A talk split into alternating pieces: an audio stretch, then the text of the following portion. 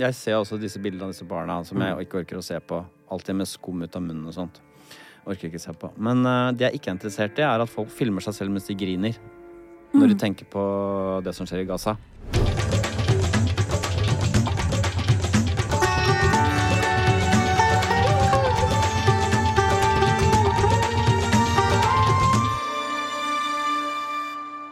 Hei, jeg heter Abid Raja. Og jeg heter Nadia Ansar. Du, Nadia. Vi to kjenner hverandre jo veldig godt. Vi har jo faktisk vært gift i over 20 år. Og det er først nå vi har funnet ut at vi skal lage podkast sammen. Og den skal handle om følelser. Ja, og hvorfor akkurat om det? Lurer du faktisk på det, Abid? Nei, du, egentlig ikke. Jeg, jeg drev egentlig bare og tenkte på hvordan vi skulle lage en sånn fin overgang til de som hører på. Eh, Jeg tror folk har fått med seg at vi er jo litt mer enn gjennomsnitt opptatt av å snakke om følelser. Derfor skal vi invitere forskjellige mennesker som vi er nysgjerrige på, til å komme hit og snakke åpent om følelsene sine. Målet er jo sammen bli flinkere til å både gjenkjenne og håndtere både egne og andres følelser. Rett og slett gjøre både Norge og verden til et mer følelsesvennlig sted. Det er litt av et eh, verdensprosjekt, altså. Ja. Skal vi bare sette i gang, eller? Ja, la oss gjøre det. Denne podkasten er laget i samarbeid med Apotek 1.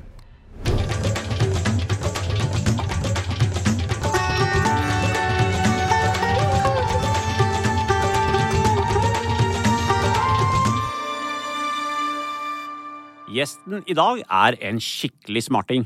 Han er både komiker og sosiolog, og vi kjenner han fra en rekke TV-programmer som eh, Lille Lørdag, Åpen post, Ute i vår hage, Team Antonsen, Hjernevask og Brille. Og han har også laget podkasten Sånn er du, og nå skal vel de fleste ha gjettet at vi har besøk av selveste Harald Eia. Velkommen hit, Harald. Tusen takk, selveste Harald Eia. Ja. er ikke det litt gøy, ja? Så jeg lurer på, altså, hvordan går det med deg for tida? Jeg syns det går fint, jeg. Ja. Ja, jeg er ganske fornøyd med hvordan vi har fått rigga til eh, livet. Det eneste jeg sk Hvis jeg skal sette fingeren på Eller utenom verdenssituasjonen, da. Hvis jeg bare ser på mitt Mhm. eget liv. At av de to små barna og alt det som skjer, jeg opplever så lite. Jeg, jeg, når jeg kommer hjem, eh, har jeg opplevd veldig lite. Når jeg kommer på jobben i lunsjen, så har jeg veldig lite å fortelle. Så må jeg finne på. Ja, hva, hva gjør du da? Dikte opp. Dikte opp små ting som jeg har opplevd, som jeg må forstørre opp og, og lage et falskt minne av. Kan godt starte litt med det å finne på ting. For du kom inn her, og så sa du men Da hadde du jo opplevd noe. Du, du, du, har, sittet, du har tatt taxi opp hit. Ja, det er typisk Ja. sånne ting jeg har opplevd. At jeg har tatt taxi, og så snakker jeg med taxisjåføren. Mm. Og så Er han fra Aha, Ja, det var en taxisjåfør som var fra Jemen. Og han Så begynte vi å snakke om øh, konflikten i Midtøsten. mm, Og naturlig tema for tida? Ja, det var fordi det var på nyhetene som han drev og hørte Ja. på. Og så øh, spurte jeg om hva Spurte jeg hva folk i Jemen syns om det som skjer i Midtøsten. Og så sa han øh, at han snakka om broren sin, og broren sa hvorfor er dere i Vesten så mye mer opptatt av barna som dør på Gaza, enn barna som dør i Jemen? Mm. Og da ble jeg litt satt ut litt sjakkmatt, da. Fikk meg til å tenke litt. Ja, for det er den der fokuset konflikter får. Den konflikten vi har her og nå, den har vi full fokus på. De andre konfliktene blir veldig fort glemt. Ja. Og det er litt sånn, eh, Akkurat nå har vi mye fokus på det som skjer i, eh, mellom Israel og Palestina. eh, Mens Ukraina har havna litt bakpå igjen. Og Det er ikke sånn helt glemt, men den, det er ikke den konflikten vi har mest i fokus akkurat nå.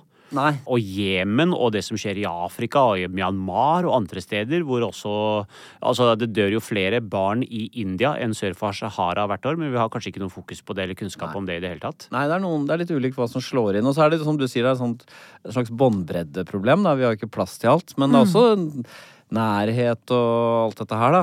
um, som eh, Altså, empatien vår. Eh, Den er, eh, har jo sine styrker, men har jo sine svakheter òg. Den er litt mm. nærsynt. Nå fikk jeg, for å tørke den rennende nesen min pga. kulden Ikke fordi jeg var så beveget av mitt eget resonnement. Ja. Så Nei, um, men det er interessant det der, fordi man har en tendens til Eller vi tror kanskje at vi driver og objektivt rapporterer hva som skjer i verden, men det er jo ikke sant. Vi rapporterer ofte de som berører oss emosjonelt på en eller annen måte som vi kan kjenne oss igjen i, eh, selektivt. Så rapporterer vi de mer. Eh, fordi at det er lettere å føle empati eller føle med de.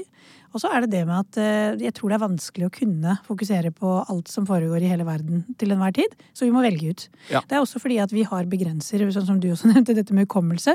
Vi husker selektivt de hendelsene som på en måte emosjonelt har på en eller annen måte beveget oss. ikke sant? Og det som beveger oss, det er ofte noe som på en eller annen måte berører oss mer. Eh, og jo mer fremmed noe er, jo mindre på en måte lar vi oss bli berørt av det. Det var er det jeg skulle ene. sagt til uh, taxisjåføren. Uh, Ja. sagt til Mm. broren sin.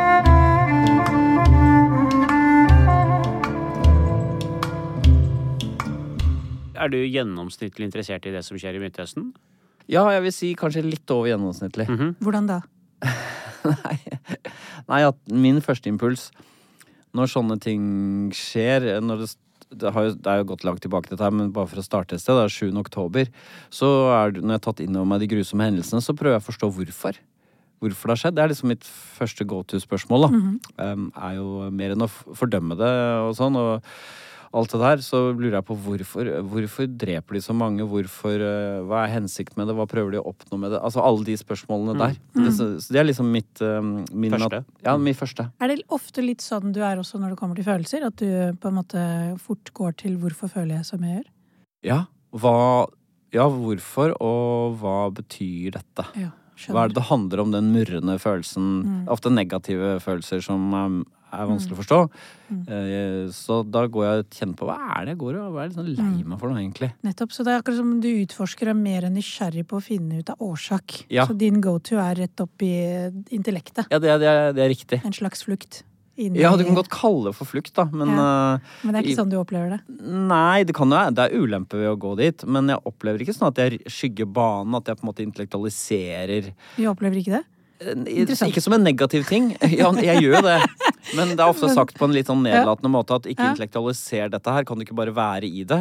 Og jeg mener at jeg er begge deler samtidig. Da, at det går an at Det blir på en måte å fornekte hvem jeg er hvis jeg skulle late som at eh, Eller hvis jeg skulle liksom kutte ut den derre tenkende analytiske biten. Ja. Uh, Så det er naturlig for deg på en måte at når noe skjer, så vil du jo selvfølgelig finne ut av Eller kanskje er det et, det er bare en hypotese, men noen, hvis man på en måte kjenner et emosjonelt ubehag, eh, føler et behov for å ha kontroll. Og den beste måten å få kontroll på, er jo på en måte eh, søke til svar, ikke sant. Hvorfor Ja. føler jeg som jeg gjør? At eh, det på en måte virker regulerende på følelsen. Ja, det er nok riktig. ikke sant? For, for eksempel før, da, da mor levde, og hun var dement, begynte å bli dement, så sa hun liksom sårende ting på telefonen, og så visste jeg at hun sa det fordi hun var dement. Allikevel, og så, så, jeg, så jeg sa til meg selv hun, jo, hun vet ikke hva hun snakker om. Og så la jeg på, og så var jeg litt sånn lei meg og dårlig humør. Men det tok veldig lang tid å innrømme for meg sjøl at jeg ble lei meg av det moren min sa, Ja. selv om hun var dement. Nettopp. Og når jeg forstår det, så er det mye lettere å forholde seg Ja, det er det, selvfølgelig, da. ikke sant? Så sånn sett er det et, et hjelpemiddel mer enn en måte bare å Du kan godt kalle det en måte å få kontroll på, men det er en måte å få innsikt, da. Hvorfor føler jeg det jeg føler det akkurat nå? Ja, er det virkelig den praten med mor som jeg fortsatt går og gnurer på, liksom? Ja, det, ja, ja, det er faktisk det. Mm. Og hva gjør du da? Hva blir neste steg da? Når du finner ut av at jeg kanskje ble litt lei meg? Ja, da må jeg snakke med Nadine om det, da. Ja, så Kona. Det er. Ja, det er kona. Nadine. Nadina. Ja, Nadina. Nadina. Og hun er opprinnelig fra Eller foreldra fra Marokko? Ja, mor er fra Marokko, eller født i Marokko, så var f hennes foreldre arbeidsinnvandrere til Tyskland. Ah, kult. Ja. Så det er en Bare egen én historie. bokstav som uh, skiller oss fra hverandre. Ja, men det er, kan være mye, det, vet du. Ja. Men da snakker du med henne. Sant? For det er jo interessant. Ikke sant? Jeg er bare så nysgjerrig på det. Hvis vi liksom bare kan bore litt inn i det. Hva gjør jeg når jeg på en måte kommer i kontakt med et emosjonelt ubehag? Eh, når jeg for eksempel kjenner på en tristhet, så sier du da går jeg til Nadina. Ja, så diskuterer jeg. Kan det være det? Jeg går rundt og, og så sier kan, Ja, det var du prata med moren din. Er det det? Ja, det er kanskje det. Hun sier på en måte bare det som jeg allerede har tenkt litt, da. Ja, ja, ja. Bare jeg trenger et menneske som kan si det Bekrefter det litt? Ja. litt. Sånn som Jeg har vært hos psykolog tre ganger, og da har det vært utrolig effektivt, for da har alltid psykologen sagt jeg tror du har svar allerede, kan du ikke si det? Og så sier jeg det. Ja. Og så sier hun da, for det har vært en hund, uh, ja, men det er vel det du føler også. Det er en del grunnen til at du føler dette her. Ja, det er det. Så du visste det fra før av. Det var bare godt å få liksom en slags bekreftelse ja. på det? Ja. Det er jo én måte å forholde seg til følelsen på. ikke sant? At man på en måte undersøker og grubler litt, og så finner ut av hva det er, og så tenker at nå er på en måte problemet løst ved å liksom navngi en følelse, da. Men så vil jo kanskje jeg bli litt sånn nysgjerrig på Er det poenget med følelsen? Sånn egentlig? Å komme fram til at det, ja, det er trist jeg føler. er det derfor vi har følelser, eh, eh, Harald? Ja, altså hvorfor har vi følelser? Det er jo noe jeg er veldig opptatt Ja, av. ja. Hvorfor har vi de? Hva er din teori? Deg kan vi tørre å snakke med dette om, for du både er sosiolog og en smarting, og ja, ja. tør å gå inn i det vanskelige. Ja. Ja, jeg tenker jo at um, vi har jo jeg er jo abonnerer på evolusjonsteorien, selvfølgelig. Ja. Da er vi to om det. Ja, det er bra. Digger du Harari? Ja, jeg, jeg, absolutt. Jeg, ja, jeg Absolutt. savner at han kommer med Jeg gleder meg til han kommer med en ny bok. Ja, bortsett fra at han begynner å bli litt, litt, litt Repeterende? Ja, han Ja. begynner å snakke om ting jeg føler han kanskje ikke har sånn kjernekompetanse på plutselig nå. Hå? Men at han Men tar sånn seg litt om fremtiden og sånt. Ja, At det. Ja, men det er litt sånn spekul... Man, man, man, ja, basert på den kunnskapen vi har, så kan vi begynne å analysere oss er, hvor fremtiden kommer til å komme. Han er fremragende, selvfølgelig. Ja, så flinke dere er til å lese dette, altså. Så bra. hvorfor har vi følelser? Følelser har vi som alt mulig annet. Eh, Det er for at vi skal selvfølgelig overleve, og for Ja. barn som overlever, da. Ja. Så jeg tenker at negative følelser, det skal i hovedsak, med unntatt av aggresjon, Ja. skal få oss til å trekke oss litt unna og ting som er skadelige og Ja. er farlige for oss. Og positive følelser er for å få oss inn i ting.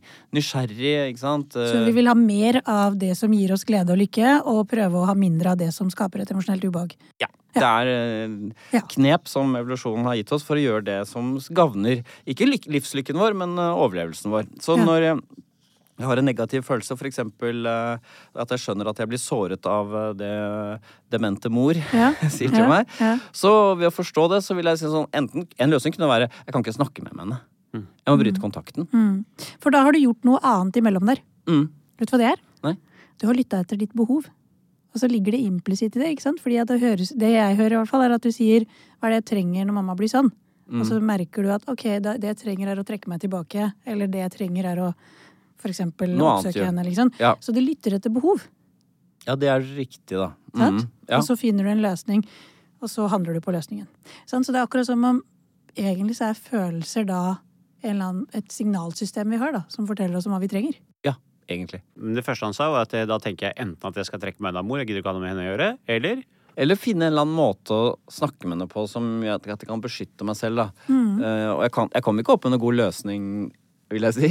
Jeg, impulsen min var å trekke meg unna, som ikke var en god løsning, for jeg ville jo klandre meg selv resten av livet. At jeg ikke var til stede for mamma. Ja. Og plutselig er han død, og så har jeg ikke snakka med ham på et halvt år, liksom.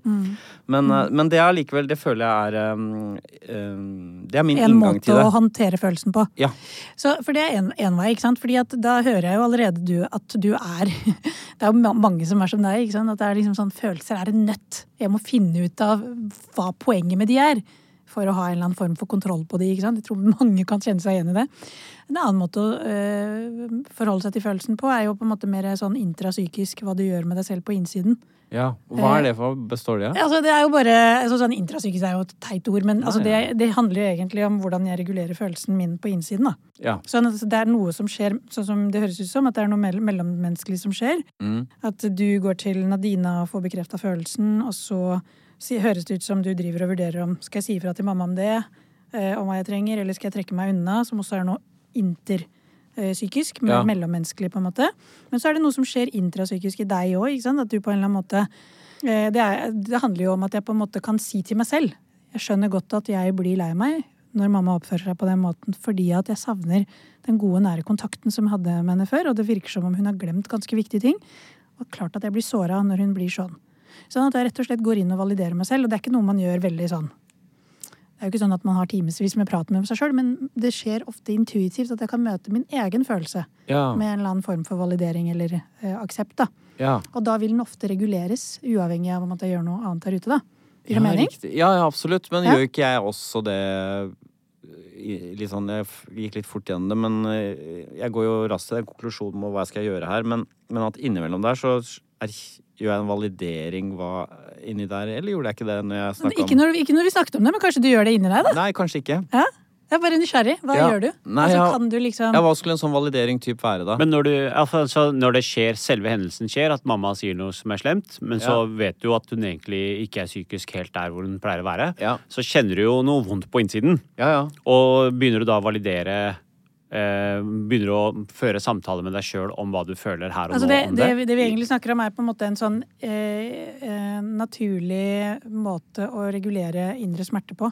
Ja. Det er at vi på en måte Vi sier noe beroligende. Noe som på en måte nedror oss selv, da. Ja, nå kjen- og det kunne vært typen nå, nå blir du lei deg fordi mor sier ting som du syns er urimelig. da skjønner jeg godt at Eller det er ikke rart at du blir lei deg fordi du Ja, det, og det gjør jeg. Ja. Det gjør jeg nok, Så du ja. kan være ganske sånn uh, god på å validere egne følelser. Ja, jeg har blitt bedre på det. Ja. Uh, Det har tatt meg mange mange år å komme dit. Fordi da jeg var litt yngre, sånn som i parforhold og sånn, så kunne jeg fort tenke at dette tåler jeg. Dette er for smått til å henge seg opp i. Jeg er ikke en fyr som er sur, jeg er litt large, jeg er en ganske robust type. Og så kunne da de første forholdene holde så akkumulerte seg mer og mer sårede følelser og mer ydmykelser.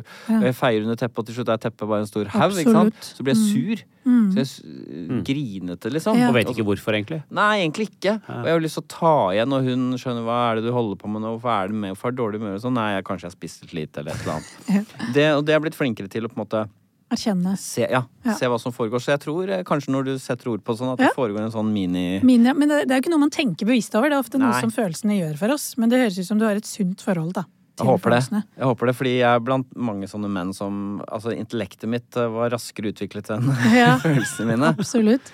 Og, det, og da er det så fristende ikke sant, å gå til løsning. Og jeg kan jo komme med en erkjennelse sjøl òg.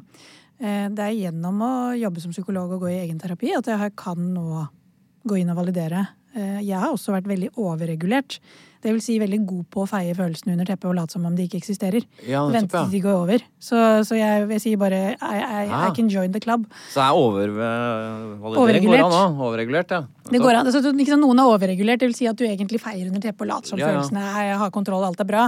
Så når noen spør meg hvordan jeg har det, så er ikke jeg den første som sier jo, var det forferdelig. Jeg kan helst si jeg går helt fint, selv om jeg egentlig kjenner på dyp skam eller noe sånt. sant? Ja. Men hvis du er underregulert, så er det liksom motsatt. Det vil si at følelsene er litt utapå. Eh, og du kan ofte overvelde alle andre med følelsene dine, fordi du har liksom lett for å prate med de, Ja, om ja. følelsene. Men det betyr ikke nødvendigvis at du har kontakt med følelsene. ikke sant? Nei. Så noen kan jo framstå som om de er veldig følete, eh, men så er de egentlig litt underregulert. Fordi at de har ikke Ah. helt eh, kontroll på følelsene sine likevel.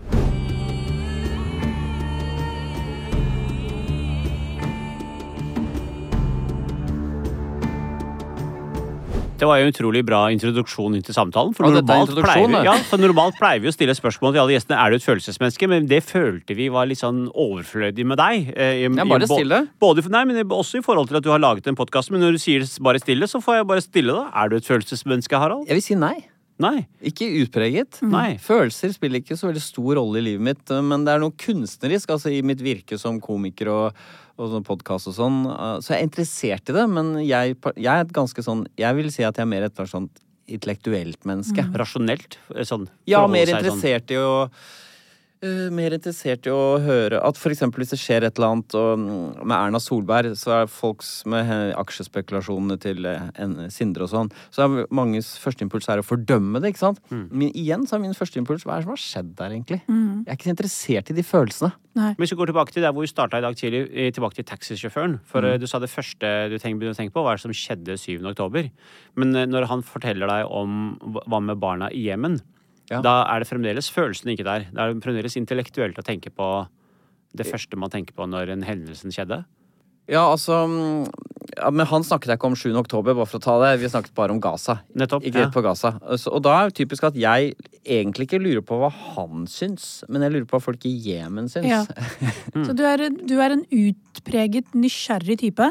Ja, det vil jeg si. Eh, Og samtidig som det jeg i hvert fall hører, er at du vil helst ha, ikke ha følelser. Eller du, du forholder deg til følelser på liksom ha de på i hvert fall to meters avstand. Jeg er ikke så interessert i at, Ja. at noen skal si sånn Huff a meg, det er forferdelig. Ja da, men det, ja. det, vet- det Sånn vet jeg jo. Ja. Det er ikke sånn skjer. Det Ja. veit jeg. Sant, Hvorfor skal jeg gå enda en runde med det?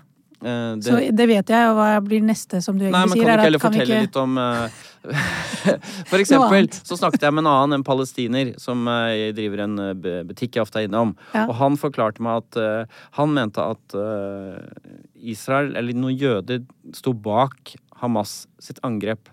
Ikke sant? Det, det vi vil klassifisere som en konspirasjonsteori. Mm. Ja, ja, ja, Den var veldig Fordi Hvorfor vil de ellers slippe dem inn? De har verdens beste forsvar. Okay. alt Ja. mulig, ikke sant? Ja. Og det er deres interesse, og nå kan endelig Du vet, Ja. Det henger jo på en måte Ja. litt på greip. Ja. Det syns jeg er veldig interessant. At, det er veld... at det er mange, og han sa alle mine venner, all min familie i Palestina tror på denne teorien her. Det syns jeg er interessant. Ja, for det er jo på en eller annen måte så vil jo jeg som en mer enn gjennomsnittlig glad, altså person som er glad i følelser. Ja, ja. si på en eller annen måte er et emosjonelt engasjement som ligger i bånn der. Ja, det er et emosjonelt engasjement. Er du ikke enig? Jo da, det, det er riktig. men Det er sånn, sånne kognitive følelser er litt underkjente. Altså et nysgjerrighet. Er det virkelig kognitive følelser? Jeg vil kalle det ny- nys- Nysgjerrighet Ja. er en kong, jeg vil kalle det en kognitiv følelse, for det er en følelse som hjelper deg å forstå verden. Ja, og, hvorfor, og derfor så tenker du at det er en Mens- kognitiv følelse? Ja, sorg er ikke noen kognitiv følelse.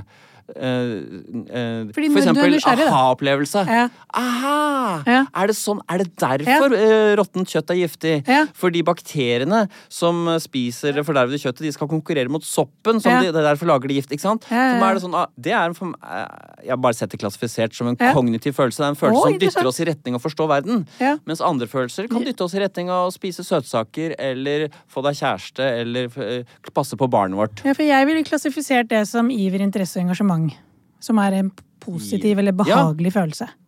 Det er sånn eh, på en måte I emosjonsfokusert terapi så er det ja. sånn man klassifiserer det. Men også i affektintegrasjonsteori så er det Men sånn man hva er forskjellen? Å ligge på hengekøye og kose seg ah, Jo, det, det er dødsdeilig. Ja, altså det er jo Ja, nettopp, jeg Det er mer behag eller glede. Det er Ja, noe, en annen følelse, ikke sant? Altså- Men det er jo nerding på høyt nivå. Hvordan vi klassifiserer, det er jo bare vi mennesker som forsøker å sortere og kategorisere. Ja, og jeg, jeg, vil bare, bare slutt, kaste meg inn og si ja, det er helt riktig, det er nerding på høyt nivå. Men tilbake på altså, det du sa. ikke sant? Altså, ja, jeg ser at det er trist, men fortell meg noe annet. Men for eksempel nå, i den situasjonen som er nå i Palestina og Gaza, det jeg ser at veldig mange mennesker på sosiale medier poster jo ekstremt triste bilder. Og det er så, noe, noe av det er så trist at i, i, noen klarer nesten ikke å se på de bildene hvis du skal klare å fungere. Eh, og da, eh, eh, da, ut fra det jeg hørte nå, så tenker du sånn ja, men, men jeg vet jo at det er trist. Eh, ikke fortell meg det. Eh, la oss eh, snakke heller om Er det, er det Ja, jeg, jeg, jeg, jeg, jeg ser også disse bildene av disse barna som jeg ikke orker å se på. Alltid med skum ut av munnen og sånt. Orker ikke se på. Men uh, det jeg ikke er interessert i, er at folk filmer seg selv mens de griner.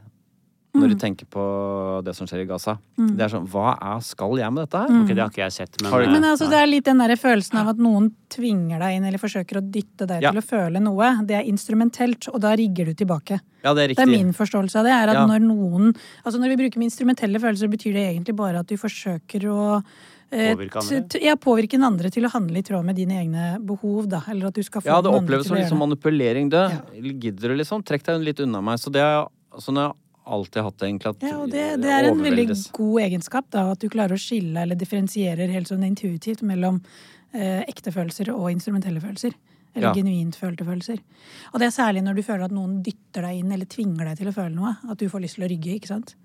Så Ja. det skaper ubehag. Og- dette er viktig i jobben min. En del av jobben min med TV er jo å fremkalle følelser hos de som ser på og hører på. Og jeg leste en gang Dag Solstad som sa at hvis noen sier til deg Jeg er så lei meg, jeg er så fryktelig lei meg, jeg er i stor sorg, så kjenner du ingenting. Nei, fordi det Det, Det hjelper det ingenting. Med, altså det er jo noe med eh, mm, Altså, folk reagerer på det du er og det du gjør, og ikke hva du sier. Ja, det, det er også, ikke sant? Så hvis du skal få uh, leseren da, ifølge Dag Solstad til å bli berørt, så må du ha et menneske som uh, kanskje prøver å skjule at man er god, og så gjør noe godt allikevel, men ikke vil at andre skal se det. Det er typisk sånn som berører oss, ikke sant? Eller noen som, til, noen som er sinte på noen, og tilgir noen. Er, så, så, så det er jo Jeg er interessert i hva er det som skal til for å trigge følelser hos, hos andre, og det å trøkke masse emosjoner på deg, det, det har ingen ikke. effekt. Nei, ikke på Så meg. det som funker, er på en måte det der å spille ut det lag på lag for følelser, sånn som vi mennesker ofte er, da. Ja, vi sånn føler at vi noe må- på innsiden, men det skjuler vi fordi at det er noe Alt det annet der, vi ser, ikke sant?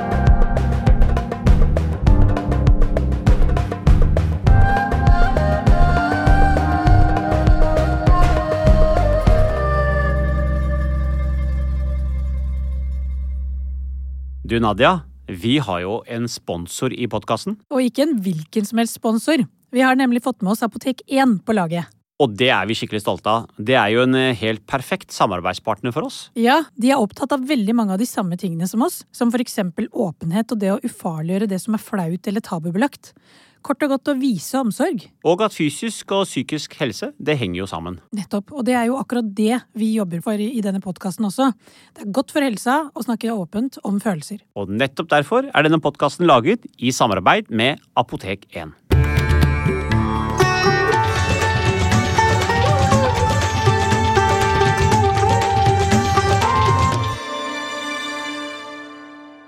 Veldig gøy dette, Harald. Jeg vil også si veldig gøy dette, Nadia.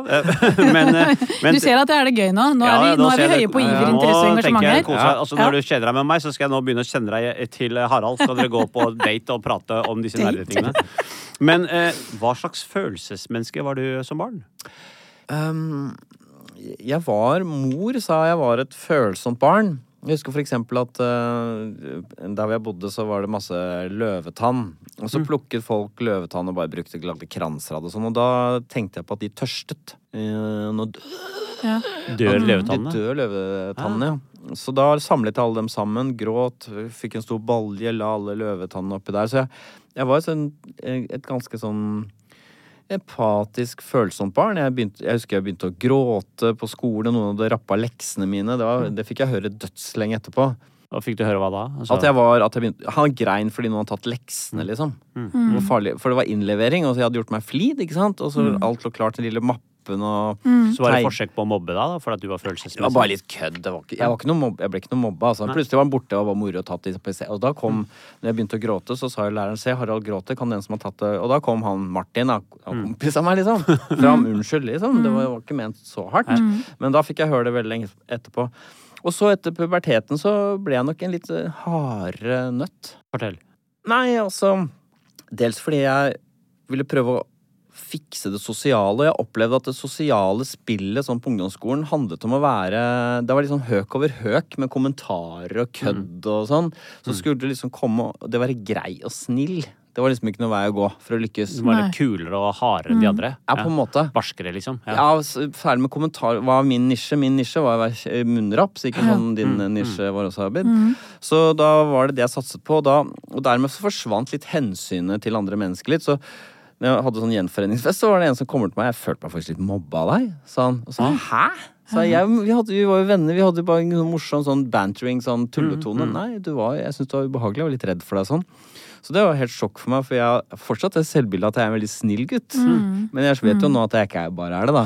For det høres jo også ut som det er noe du lærte ikke sant, fra tidlig av, at uh, du kommer ikke langt i livet med å være så sensitiv og følsom som det du er, på en måte. Ja, du, det gjør nok det. Altså, dette, er en, eh, dette er en blindvei, på en Et måte. resultat av sosialisering, da, hvordan gutter skal være. Ja, det er et resultat av en vurdering av hva som er lurt å gjøre. Men det var helt klart en feilvurdering. Jeg kunne nok Jeg så jo andre som landa på å være mer sånn inkluderende og hyggelige. For eksempel husker jeg så godt at det var en fyr i- parallellklassen som var venn med en psykisk utviklingshemmet. Så tenkte jeg sånn Hvordan, hvordan kan du t- Hvordan tåler hvordan tar du sjansen på å henge sammen en psykisk utviklingshemmet eh, gutt? Ja. Og han var så selvsikker og raus, og ble jo vel- veldig godt likt av det, selvfølgelig. Men det var Ja. ikke noe strategisk fra hans side. Han var bare et godt, men, godt lite menneske. Men der tenkte jeg kan jeg aldri ta sjansen Ja, på. fordi hvis vi stopper opp Bare litt hold- der, ja, for det er et ganske fint spor, da. For det er liksom når det skjer, så er det akkurat som om du er aktivert på en eller annen følelse på innsiden, ikke sant. Mm. Det er sånn, du henger ikke med en psykisk, altså en, en gutt som er psykisk utviklingshemma, fordi hva skjer da? Hvis, jeg, hvis, hvis Ja, for, andre ser det. fordi da, da det, er, det er sosialt altfor risikabelt. Ja, for da blir du ekskludert fra flokken. Ja, så på da- en eller annen måte så er min tolkning at du er litt aktivert på skam, ikke sant? At dette kan du ikke gjøre, fordi da blir du sett på som en som Ja, jeg var opptatt av Ja, du kan godt kalle det type Altså, jeg vil ikke få den Jeg vil tenke på at jeg kaster bort tida mi. Det er, det er litt sammensatt her, også, Men at, la oss si vi er ute, ikke sant. Skal jeg henge sammen med han psykisk utviklingshemmede, eller skal jeg prøve å nok en gang prøve å hevde meg i den gjengen der? Det, det Ja, siste er jo skam, best. på en eller annen måte. Det er aktivert på Ja, hva er min plass. Det er identitetstema, ikke sant. Det er sånn, Ja, det er det jo. Jeg vil heller eh, kjempe for min plass i den gruppa her. Ja. Fordi at det, er de som er alfahannene. Ja, jeg Enn å strever henge litt sånn. med den, den lille, på en måte. Ja, det er nok riktig. Og hva kommer de til å tenke om meg, at jeg er så ukul at jeg henger med han? Ja, jeg, ja jeg, hva skal jeg med det? det, hva skal jeg med det? Da gir jeg opp livet, på en måte. Det, Ja, litt. Fordi um... Du er med i gamet. Og det, i bakteppet her også, ikke sant. Jeg, jeg, jeg er ganske skoleflink, så jeg, jeg begynner ett år for tidlig på skolen. Så jeg får til Jeg er god i timen, men dårlig i friminuttet, for å si det veldig Jeg skjønner. Så det må liksom eh, virkelig klare å knekke de sosiale kodene. Ja. Det er noe du har brukt tid på. Ja, veldig. Sant? Så- det, er liksom, det intellektet, det, det har jeg på plass. Men, hvordan kan jeg omsette det i å bli godt likt? Um, mens, og derfor så Det å henge sammen med en psykisk utviklingshemmet gutt, det er liksom sånn hvordan, Hva skal jeg Altså, det er ikke noe, jeg, jeg er ikke noe god Jeg på det. Jeg vinner ikke på dette. Nei, det er mer det. Ja. Så det var derfor jeg var litt sånn lurte på om det med skam var helt riktig. Det var mer en sånn vurdering av hva er det jeg kan få til? Hva er det kan som gavne meg, på en måte? Det er jo ikke sånn at vi bevisst går rundt og tenker at nå er jeg aktivert på skam. Men vi vet at skam og frykt er de mest ubehagelige følelsene som alle mennesker kjenner på Absolutt. mange, store deler av livet uten å være klar over det. Og veldig ofte så er jo det disse følelsene mange av de viktige beslutningene og valgene vi tar, er basert på. Men uten at vi er bevisste. For det er jo på en måte, Tenk at det er rådata, da, og så blir de så utrolig gode på å liksom skanne alle disse rådatafilene i alle disse kognitive filene. ikke sant? Så får vi veldig pent språk eh, og pene ord på det. Og så glemmer vi at kilden, råmaterialet, er følelser. Ja, ja. Det høres riktig ut, ja. Ja, Høres ut som det passer. Ja, det er gæren følelser. Dette har jeg lest meg til Ja. senere. Ja. At det det Nå begynner vi er å nærme oss er eh, hvem Harald er. Så altså, det, det, du liker deg å være blant Eller nå vet jeg ikke hvordan du er som voksen, også, men nå er vi liksom på ungdomstida på barne. ikke sant? Altså Blant de som har, får det til og er litt sånn selvhevdende og som er litt sånn alfaer.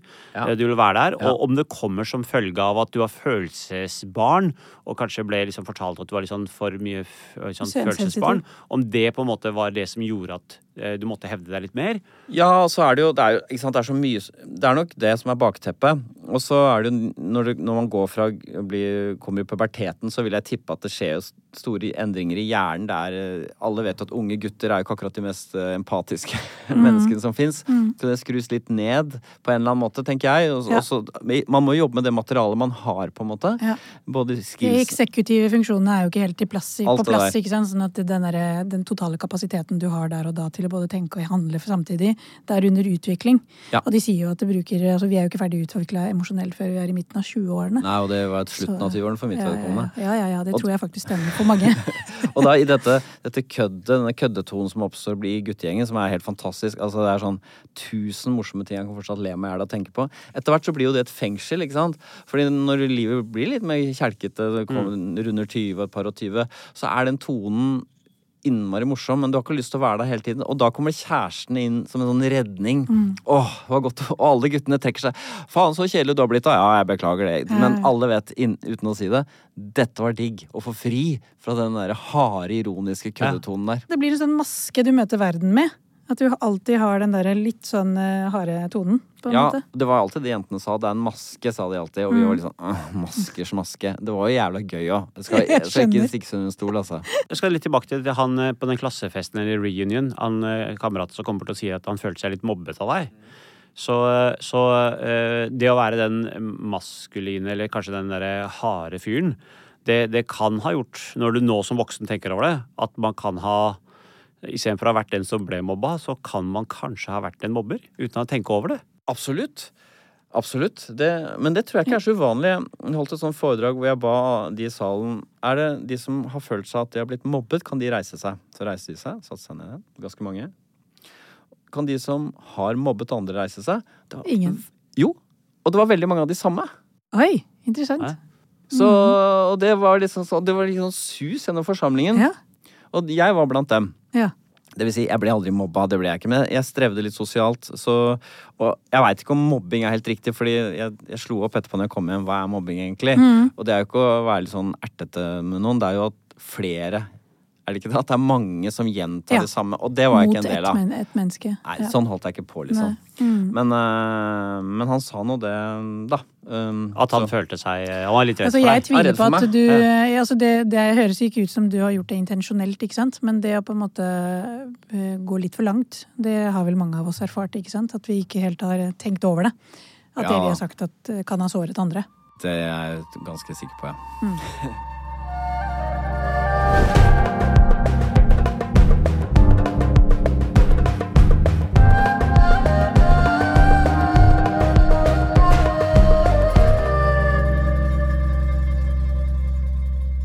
Du, dette er veldig bra temaer vi er inne på, men eh, Nadia fortalte meg at i den samtalen med henne så dukka det opp noe som var veldig interessant, som jeg skulle tenkte jeg, dette må jeg spørre Harald om. For at eh, altså av mennesketyper der ute, du har jo alltid en sånn dapperdag og underdag. Eh, hvem er det du holder med? Jeg må si at uh, før jeg får tenkt meg om, hvis jeg bare Intuisjonen min uh, holder nesten alltid med. Upper dog. Og det, det- kan jeg jo si, når Nadia sa det, så sa jeg hm, det er ganske kontroversielt, vil jeg tro Ja. uh, å si. Ja, jeg synes det er Altså, det, det går på det, er, det høres jo så hardt ut, da. Så la meg forklare litt. Uh, jeg syns at folk som får til noe, er bedre enn de som ikke får til noe. Dere gir ut bok, skriver om livet deres. Det, har, det liker jeg veldig godt. Det er tommel opp, det er bra. Folk som går og sutter og klager og bare Det Nei. Nei. Er det på Dagsrevyen eh, Kristina, 54, fikk en sykdom og fikk ikke den behandlinga hun hadde krav på. Og nå blir, tenker jeg med en gang Her har sykehuset gjort en god jobb. Du er en masekopp. Du Jo, fordi altså, hvis jeg skal Jeg kan ha litt eh, det, Nå vil du bli litt overraska, men jeg kan, jeg kan skjønne det du sier litt. Da, for det, det, du, det det høres ut som for meg, er at du blir trigga på litt det derre krenkelsessamfunnet. Hvor eh, alle skal bli sett og alle skal bli forstått, og så er det liksom stakkars meg og på en måte litt den derre offermentaliteten. og den kan trigge deg. Jeg har litt liten tålmodighet med det som, og det er tendensiøst å kalle det, men det som jeg opplever som sutring, da. Samme her. Men Jeg, jeg jeg, jeg, blir med i den klubben Nei, der. men, Altså. men Vent litt, jeg må ta bremsene på her. For jeg må bare ta den her. Altså, for jeg, i, I min verden da, så er underdog er, eh, en typisk en person som kanskje har eh, ikke sant, dårlig odds, kanskje har hatt det vanskelig. Og i den eh, typiske amerikanske historien så kjemper man, og så får man det til, til, til slutt. Det er jo den personen man alltid sitter og heier på på film. Men, men altså, selvfølgelig, det er jo best at vedkommende også da får det til. For at det er da på en måte det kulminerer i en sånn der stort fyrverkeri og sånn. Mens Apperdag er jo liksom han som er født med gullskjen og liksom Nei, han- bare surfer på livet og skjønner jeg mener. Sånn- han, han ikke, for ikke meg så er ikke han en Apperdag. Ja, men det er litt sånn rart å heie på en Apperdag som alltid liksom bare har Altså den alfaen som bare har det. Altså, sånn? Mens man heier mer på Ja, jeg er som, må- enig. eller hun som måtte, liksom, må Jeg- jobbe seg opp og slite seg opp, og så klarer man å få til det likevel. Ja. Mens du sitter der og heier deg også Nei, men det jeg hører, da. Det jeg hører er mer sånn Det du snakker om, er sånn Har vedkommende agens eller ikke? Fordi det, det, det er i hvert fall det? Agens. ikke sant? En eller annen sånn følelse av at jeg kan kontrollere, jeg kan styre livet mitt der hvor jeg vil. Ta litt tak og- ta litt tak og ta litt ansvar for egne vansker. ikke sant? Så hvis du er en underdog som tar tak, tar ansvar og kjemper deg inn i gamet, og lykkes med det, så heier du på den personen, selvfølgelig. Ja. Ja, og det er vi enige. Så, så, og, og, og dette, og igjen, dette er følelser, ikke Jeg sant? syns vi hjalp han for mye. Det er, eh, Jeg vil ikke forsvare dette, denne intuisjonen min. Eh, Det er ikke sånn at jeg vil stå opp for det og argumentere for at det, det er bra, men, men eh, det går på mange nivåer. Ikke sant? Sånn, eh, la oss si eh, det kommer en ny isfabrikant, da. Og så har vi diplomis, ikke sant. De er veldig dominerende og store. Kommer en ny isfabrikant, tenker jeg håper det går til helvete. Gjør du det? Ja, ok, jeg, jeg er litt sånn motsatt, for jeg tenker sånn ah, Så kult og så gøy, og håper de lykkes. Ja, det er liksom jeg jeg, veldig det, det er mye bedre det. Jeg vil heller, Jo, jeg vil ha da blir jeg, sånn. kan, kan vi stoppe opp litt her? For det her syns jeg er veldig veldig gøy. Ja, da. det er det, for at det er så Veldig få av de hvert fall, ok, altså, en, få av de som, Jeg tror da at det er få av de som tenker som det Harald gjør, men de som tenker det, tør ikke å si det. Jeg tror Så- det er ganske mange. Jeg har Ja, sett kan- at Trygve ja. Hegnar er veldig populær, og han holder nesten alltid med uh, de som har mest penger, de som har makt. Han holder aldri med samene eller de trygdede og sånn. Og han er veldig populær, så jeg tror det finnes en lengsel til å si faen, de som er, har lyktes, de er best, og de Ja. holder vi med, og heia. Og så, så, så blir jeg litt nysgjerrig på en annen ting, da. Det er jo Jeg gasser litt på her, altså. Ja, jeg vet det. fordi det er akkurat det. Ja, Den der delen som gasser litt på, som vil provosere for å provosere, den er også drevet av noen følelser. Det er jeg Ja, ja, det er sikker på. Men det er ungdomsskoleguttene på toppen av haugen igjen. Ja, det, det, går, okay, det går litt Jo da, du kan godt uh, si det. Det går jo på det at um, jeg, eh, jeg snakket med Julie Andem. Hun er, eh, har lagde Skam. Den serien. Hun er veldig. Ja. god på sånn karakteranalyse for å, noen, Ja. som man bruker i historiefortelling. Ja. Og hun eh, så at, mente at jeg var et menneske som, eh, som eh, er, kjennetegnes ved at jeg alltid har lyst til å være um, unik. Ekstraordinær. ja. Han som er den som ensom som Yes! sier Jeg er så enig med Julie! så jeg er i slekt da med typ Jeanne d'Arc eller, eller Jesus, eller du vet. Ja, og, der, og, der, og det liker du? Ja, som er unik, spesiell. Jeg er kommet her for å Ja. ja. sant? Jeg Ja, skal redde Frankrike. for det er jo det man sier. Ikke sant? At det interessante her er at det er liksom to sider av samme sak. Og det er derfor jeg syns det var så gøy med Julie. Fordi at hun, hun driver og gjør karakteranalyser, research, på Skam. Mm. Og så finner du ut at du er egentlig litt sånn narsissistisk i trekkene. Det syns jeg er veldig komisk, fordi at det henger ofte sammen. Det er to sider av samme sak. At narsissister er også egentlig mennesker som er dypt selvkritiske. Å ja. Ja, Visste du det? Opp, ja. At det er liksom, jeg det er bare Jo, det kan være klandre seg selv, liksom. Ja, Ja, er skam og, og stolthet eh, Ja. henger sammen som hånd i hanske. Som Ja, fordi- mennesker som er veldig veldig selvkritiske, er også de menneskene som skammer seg dypt. da, Men som Men- ofte ikke er klar over det. Men jeg, er jo, jeg har jo ikke narsissistiske trekk, det tror jeg ikke. Jeg bare syns at jeg, Er du jeg, på det? Er du sikker på det? Du var fordi jeg unik som Jesus. Jeg syns jo var jævla moro. jeg. jeg er en slektning. men, eh, men det er jo for meg en veldig det er, det er en kraft som jeg må holde litt i sjakk, Ja. Mm. men som er en god kraft når mm. i kreativt arbeid. For det driver meg til å? Når det oppstår en eller annen situasjon, da, ja, Midtøsten, så er jeg, min første impuls er kunstnerisk, da. Hva skal jeg si her som ingen andre Nettopp. har sagt? Ja. Ikke sant? Og det er Hvordan skal jeg skille meg ut? ja, og det er ikke fordi jeg er helt hysterisk opptatt av dem, det er fordi jeg vet at lytteren gjerne vil ha det. Jeg Vil gleder meg til å høre. Haralds take på dette. ikke Ja. sant? Mm. Så det er en del av jobben. For det er en ny, unik vinkling. Det er det Men kan man da ende opp med å si ting man egentlig ikke mener, Ja. men man sier det fordi at eh, man Det må blir som å banne i kjerka, ikke sant. Ja, det, det kan man, man kan man passe seg. Ja. Passe seg for den kraften, så man ikke blir kontrær bare for å være kontrær. Ja. For at, altså, her kunne jeg bare sagt at jeg, jeg har jo hørt litt Vi starta jo litt med Gaza uh, og Jemen. Og da er det jo veldig fort gjort å kunne spørre, da. Um, altså, det er jo en konflikt som pågår. eh, og jeg tror man kan si de aller fleste nordmenn akkurat nå tenker at, eh, at Israel burde stoppe for lenge siden. Ja, og det er jeg enig i. Ja, men I utgangspunktet så i, i, i sympatien min går til upperdoggen. Så jeg har alltid vært imponert av at Israel får til så mye. Jeg har vært der nede og sett ikke sant? ser tvers over grensa mot Jordan, så går det noen geiter, og så på israelsk side så er det fabrikker. og sant? Ting har, De har fått til mye. Og, at, og generelt, og dette er helt dustete, men jødene de er jo kjempesmarte. Ikke alle, men komikere og toppsjikt. Nobelprisvinnere. Så det dytter meg i retning av Israel. Og hvis jeg skal snakke bare ut fra følelser, så er noe av det, utover de grusomhetene som har gått, alle de lidelsene Israel har påført palestinerne på Gazastripen, så er det også det at jeg føler at Israel har mistet hodet. De har blitt irrasjonelle. De er besatt av hevn. Gode, gamle, rasjonelle øya nede i Midtøsten, den er nå blitt helt gæren. Og det gjør at sympatien min eh, Bikker. bikker. Og det er så, sånn for å jobbe følelser. Så det syns jeg er spennende. Så, så det der holder du deg med flertallet, holdt jeg på å si. Ja, ja, ja, så det er ikke sånn at jeg ønsker å si 'vet du hvem jeg holder med'?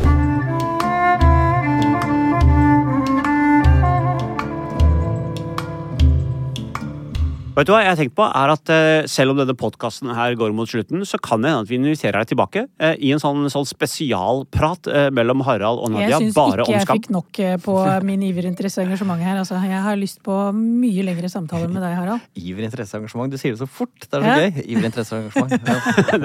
Ja. Men vi er kommet til vårt siste punkt, og det er at vi har nå foran deg en, en kortstokk som ligger her. Og, og du skal trekke da ett spørsmål, og så må du lese det og svare det du kom på. Ok. Sånn. Jeg tar den. Skal vi se. Hvem er du misunnelig på? Jeg er misunnelig på Jeg vet hva slags egenskaper. Jeg må bare finne det mennesket som representerer de egenskapene. Jeg er misunnelig på Torolf Stoltenberg. Jeg traff han en gang, og da husket han andre gang jeg traff han, akkurat det jeg hadde sagt til han. Og så møtte jeg flere som sa at han, han Hans utrolige skills blant mange andre er at han har veldig god hukommelse. Han bryr seg så mye om folk, interesserer seg for dem. Jeg husker ikke hva folk heter. Jeg husker ikke Bård mista bikkja si, så husker jeg ikke hva bikkja het. Og jeg liksom glemte å spørre åssen det gikk. Altså, Den der reservertheten, den der manglende innlevelsen i andre mennesker, det skulle gjerne hatt mer av. Så jeg, jeg svarer Torvald, Ja, meg. det, Stoltenberg. det er veldig godt svar. og Jeg kan si også at eh, jeg er også faktisk litt misunnelig på sønnen hans. Jeg.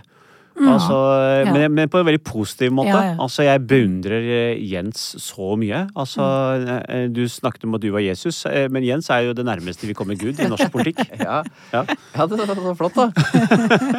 og vet du hva? Torvald Stoltenberg sa en gang til meg, fordi jeg hadde intervjuet Camilla Stoltenberg på scenen, og så var det noen som sa eh, til, om Camilla Camilla, det var så godt å høre på deg, for når du snakker, så er det setningene man, man kunne skrevet dem ned, vært perfekte setninger. Ja takk, sa Camilla. Og så sa Torvald det er ikke alltid det er så lurt å snakke sånne perfekte setninger, fordi da tenker folk at du er så smart. og Iblant kan det være lurt å snakke litt rotete, for da kanskje folk undervurderer deg litt. Da tenkte jeg Torvald, du er din jævel. Du er empatisk og lur. Ja, Så de to tingene sa jeg. er veldig lite lur, sånn. Jeg bare bakkasser på. ja. Fader, altså. Men kanskje sånn Jens er det. At, eh, at eh, han er egentlig veldig smart og lur, men han fremstår veldig jovial og kul. Ja, og ja. akkurat sånn der kan gå ned på kne med Ja. barn, og kan huske hvor han traff deg sist, når Ja. han treffer deg selv opp tre år etterpå. Ja, Du har litt av det samme du, Abidar. ikke? Ja, det er veldig gøy. Du, du eh, Harald, veldig veldig gøy å ha deg her. Og jeg ser veldig frem til en ny date, kanskje. Eh, vi får se. Altså hvis eh, eh, Kanskje det dukker opp en, eh, en episode hvor vi skal snakke bare om skam. Og da tenker Ja. jeg at jeg ikke trenger å være her engang. For da kan dere to bare holde på med det dere holder på med. På en sånn plan som bare nerder driver med. De skamløse jentene og guttene får holde på alene. Ja. Tusen takk for at du kom. takk for at du kom. eh, Tusen takk.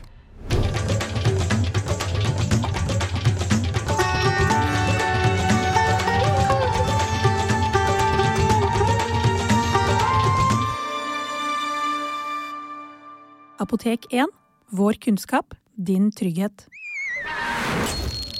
Plan B.